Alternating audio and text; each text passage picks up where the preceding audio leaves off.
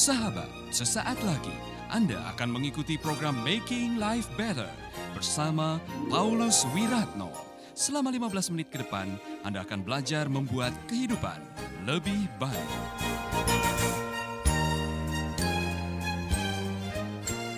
Salam, saudara-saudara yang baru bergabung dengan Making Life Better dan juga uh, Bali Impact Church atau Bali Impact Center. Terima kasih. Ada yang baru pertama kali hadir di sini?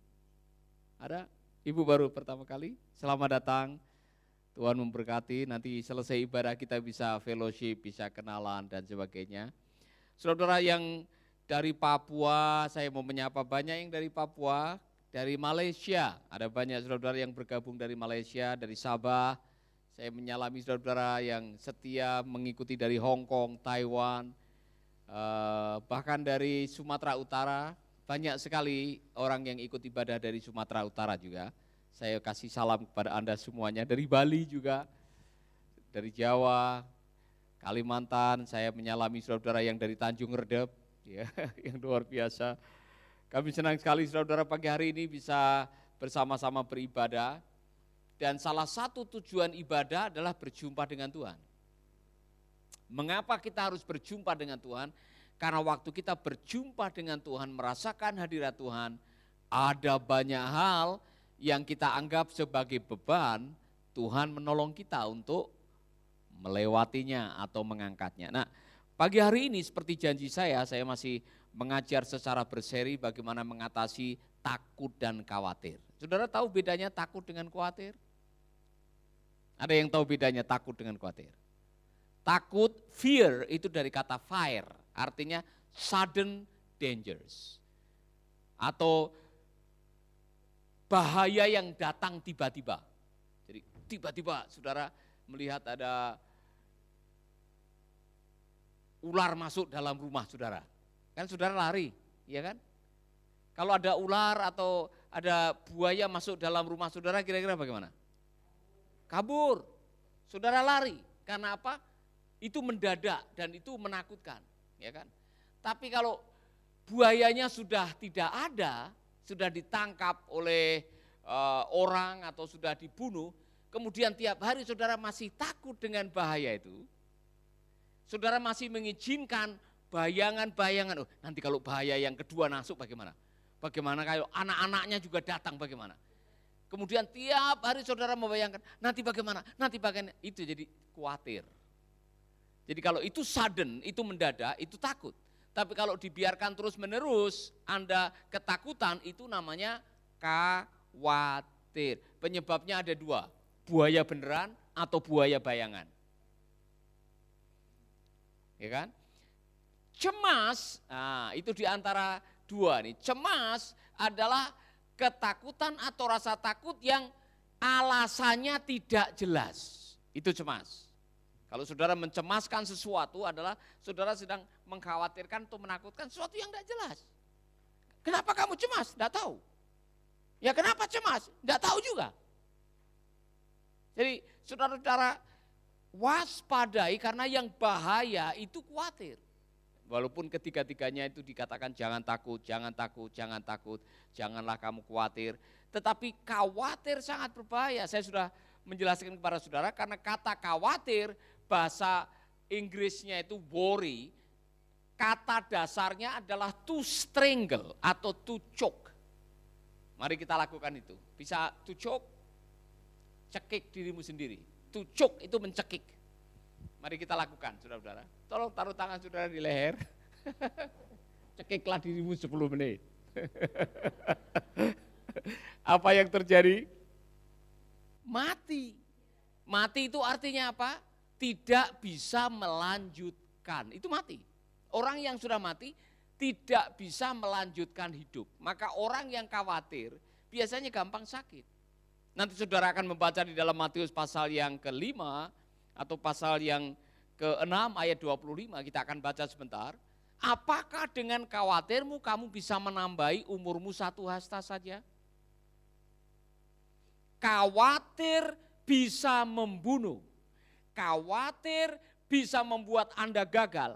khawatir bisa merusak pernikahan saudara, khawatir bisa menghancurkan pernikahan saudara, khawatir bisa membuat Anda bangkrut, khawatir bisa membuat Anda kehilangan harapan dan kehilangan sukacita.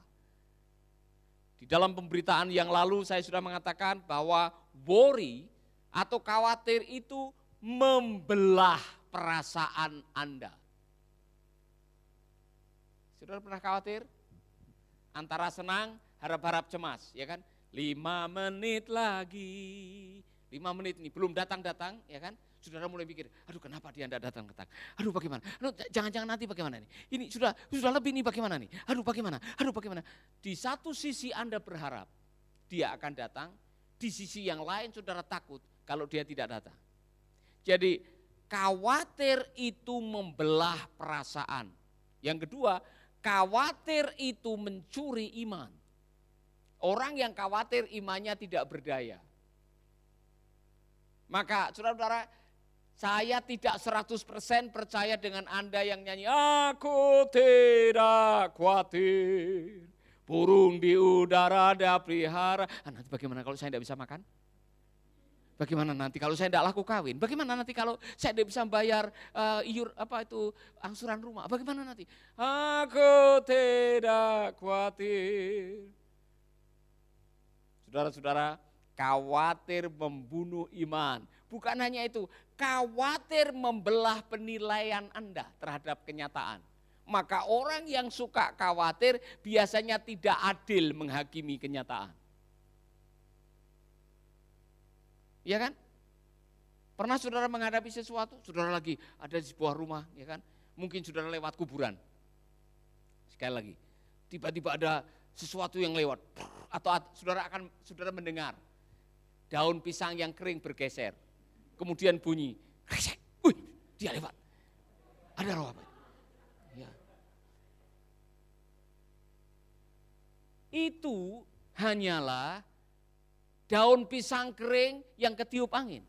Atau bambu yang tertiup angin bunyi. Oh, dia datang, dia datang. Dia datang. Siapa yang datang? Ya kan? Karena Anda sudah dicekam oleh rasa takut dan khawatir, Anda sulit menghakimi kenyataan yang ada. Ya kan? Saudara khawatir kalau suami saudara selingkuh. Saudara takut kalau suami saudara Anda main gila dengan orang lain. Kemudian setiap kali pulang dari kantor dibau dicium itu baunya baju. Bau apa ini ya kira-kira? Anda masih bersama Paulus Wiratno di Making Life Better.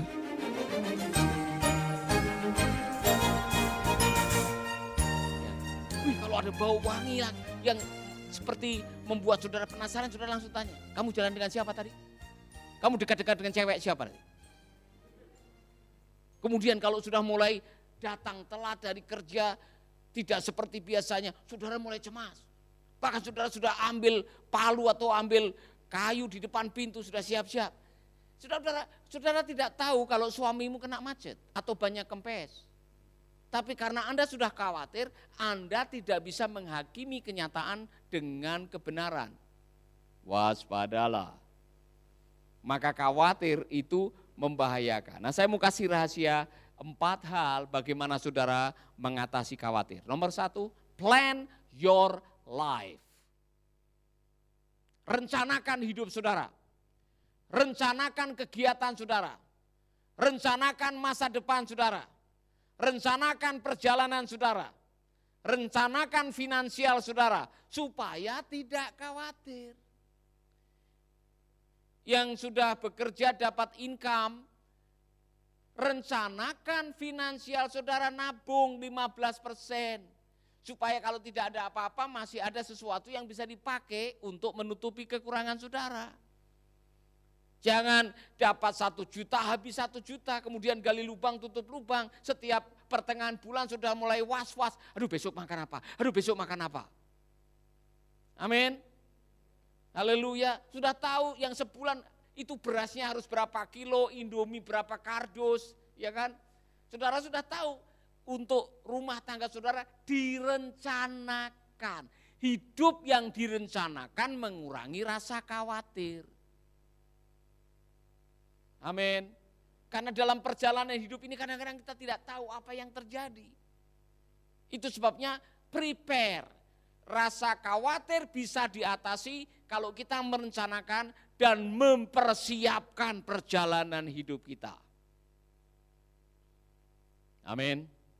Pesawat saya dari Denpasar menuju Balikpapan direrut. Rutenya diubah oleh eh, perusahaan atau maskapai penerbangan. Akibatnya apa? Kami kehilangan pesawat berikutnya karena tidak nyambung.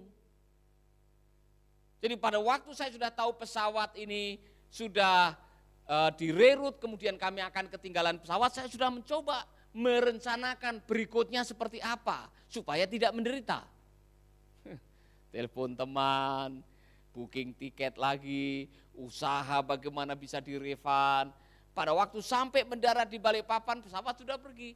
Ternyata teman yang saya hubungi sudah sewa atau sudah menelpon temannya untuk menjemput kami ternyata hotel kami sudah dibayari, kemudian ternyata sudah atur travel besok kami jalan darat 16 jam, supaya kami tidak kelaparan 16 jam bagaimana? Saya sudah beli air minum, beli roti dan sebagainya, sehingga apa yang kita khawatirkan bisa dieliminir. Maka hidup harus direncanakan. Amin. Tengok teman saudara, rencanakan hidupmu. Bilang, Jangan sok rohani saudara-saudara, setiap kali ditanya bagaimana dengan rencana Anda nanti ke depan. Oh saya mengalir sah, mengalir saja dengan roh kudus. Bagaimana dengan uh, teman hidup kamu nanti? Mengalir saja Pak. Jodoh tidak mengalir saudara-saudara. Jodoh harus dicari. Ya kan? Edi, tidak Kau sudah mendengar firman Tuhan yang mengatakan jodoh ada di tangan Tuhan? Tapi supaya ada di tangan Tuhan, Tuhan pakai tanganmu untuk menemukannya. Setelah itu bawa di altar baru Tuhan akan memberkati. Amin. Jadi jangan sampai saudara pikir karena jodoh di tangan Tuhan, saudara tidur, Tuhan berikan saya jodoh tiba-tiba dari langit jatuh di samping saudara. Tidak ada. Plan your life. Untuk mengurangi khawatir, rencanakanlah hidupmu. Amin. Sudah rencanakan hidupmu hari ini mau bikin apa? Ibu-ibu yang sering ke pasar, sebelum pergi ke pasar sudah rencanakan apa yang mau dibeli Bu ya? Berambang, bawang, cabai, itu sudah ditulis ibu-ibu itu. 5 kilo atau 2 kilo, beli apa-apa-apa. Jangan sampai di pasar baru berdoa, oh, Tuhan tolong kami, apa yang harus kami masak hari ini. Tuhan tolong kami, supaya kami, saudara Jangan seperti itu, plan your life. Jadi saudara-saudara yang tidak terbiasa merancang kehidupan, saudara sedang merancangkan untuk gagal. If you fail to plan, you plan to fail. Kalau saudara tidak membuat rencana, Anda sedang merencanakan untuk gagal. Maka dalam hidup yang sekali ini, bikin rencana yang baik. Haleluya. Tapi saya tidak punya apa-apa Pak masih ada otak. Walaupun tidak punya duit, tidak punya apa-apa, masih ada akal. Masih ada firman Tuhan. Gunakan apa yang ada di depan saudara, maksimalkan apa yang ada, minta Tuhan menolong saudara, saudara akan menikmati hidup ini. Haleluya. Amin. Sehingga tidak gagal. Kami sudah menabung, menabung, menabung, menabung, saudara-saudara dan sudah merencanakan nanti di masa tua masing-masing anak harus punya rumah misalkan. Sehingga dengan merencanakan itu kami bisa membeli rumah buat anak-anak sehingga tidak pusing lagi bagaimana mereka tinggal nanti. Saudara harus mulai merencanakan mulai dari sekarang. Amin. Amin. Kalau saya tanya kepada Abi 10 tahun lagi kamu akan tinggal di mana Abi? Di Bali, bukan di Melbourne. Di Bali aja, luar biasa. Edi, kamu 10 tahun lagi mau tinggal di mana? Ya, di Kisar. Jadi sudah punya rencana. Siapa yang akan menemani kamu pergi ke Kisar? Masih cari, dimaklumi masih cari. Yang penting ada rencana. Ya kan?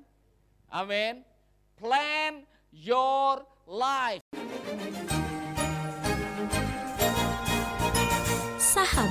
Anda baru saja mendengarkan Making Life Better bersama Paulus Wiratno.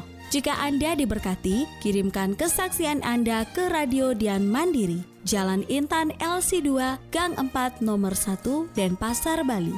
Kunjungi website kami di pauluswiratno.com, Facebook Paulus Wiratno. Hubungi kami di 0811 3901 144 dan 0811 3901 140. Sekali lagi 0811 3901 144 dan 0811 3901 140. Anda juga bisa mendengarkan program Making Life Better ini melalui handphone Anda. Download aplikasinya di Play Store atau App Store. Sahabat, mari dukung program Making Life Better ini melalui rekening BCA 6690300525. Sekali lagi, rekening BCA 6690300525 atas nama Wiratno. Terima kasih, Tuhan Yesus memberkati.